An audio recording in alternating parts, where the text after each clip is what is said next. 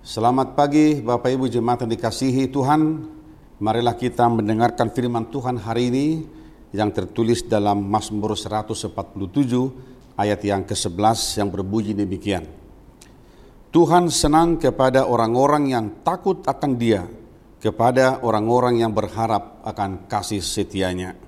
Dalam bahasa Batak dikatakan, di halo mohon rohani jahu bedotahe akan nama kebiari ibana akan makalunguton asini rohanai. Demikian firman Tuhan. Bapak Ibu jemaat yang dikasihi Tuhan, hari ini 28 Oktober adalah hari Sumpah Pemuda yang kita rayakan sebagai bentuk sukacita kita bagaimana pada 28 Oktober dirayakan para pemuda di Indonesia ini bersama-sama sepakat untuk berbangsa satu, berbahasa satu dan berbudaya yang satu yaitu bahasa Indonesia dan ini menjadi sebuah bentuk kesatuan di tengah-tengah bangsa dan negara kita puluhan tahun yang lalu. Hari ini firman Tuhan menjadi sangat penting ketika kita merayakan hari Sumpah Pemuda ini dengan satu kata yang penting kita renungkan yaitu Tuhan senang kepada orang yang takut akan Dia.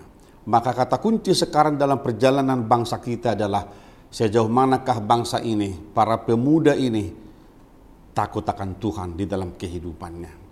Kita sekarang berada dalam sebuah zaman yang sangat maju dalam era digitalisasi yang sangat canggih.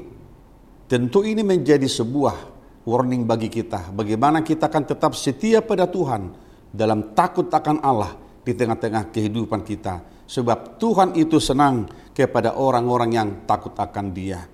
Itu artinya kita tidak boleh mengandalkan kekuatan kita, pikiran kita, teknologi kita untuk menyelami kemahakuasaan Allah dalam kehidupan kita.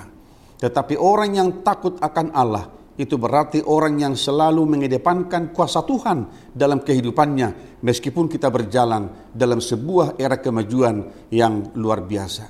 Dan kata yang kedua adalah Tuhan sangat senang kepada orang yang berharap kepada Dia.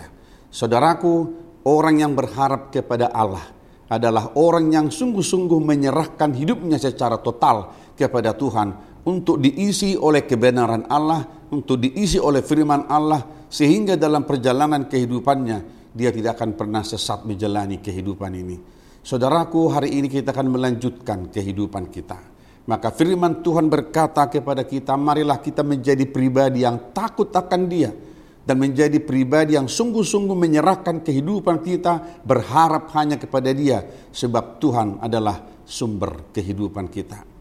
Saudaraku di tengah-tengah masa pandemi Covid, kita masih harus terus menjaga kesehatan kita dengan terus memakai masker, mencuci tangan dan menjauhi kerumunan supaya kita tetap sehat. Selamat Hari Sumpah Pemuda, kiranya pemuda-pemudi kita di tengah-tengah bangsa ini Tuhan berkati menjadi generasi yang maju yang membawa kebanggaan bagi bangsa kita, bangsa Indonesia. Tuhan memberkati kita. Bapa di surga terima kasih kami telah mendengarkan firman-Mu hari ini.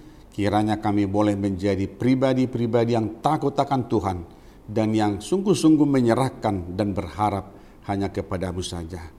Kami berdoa di dalam nama Tuhan Yesus Kristus Tuhan kami.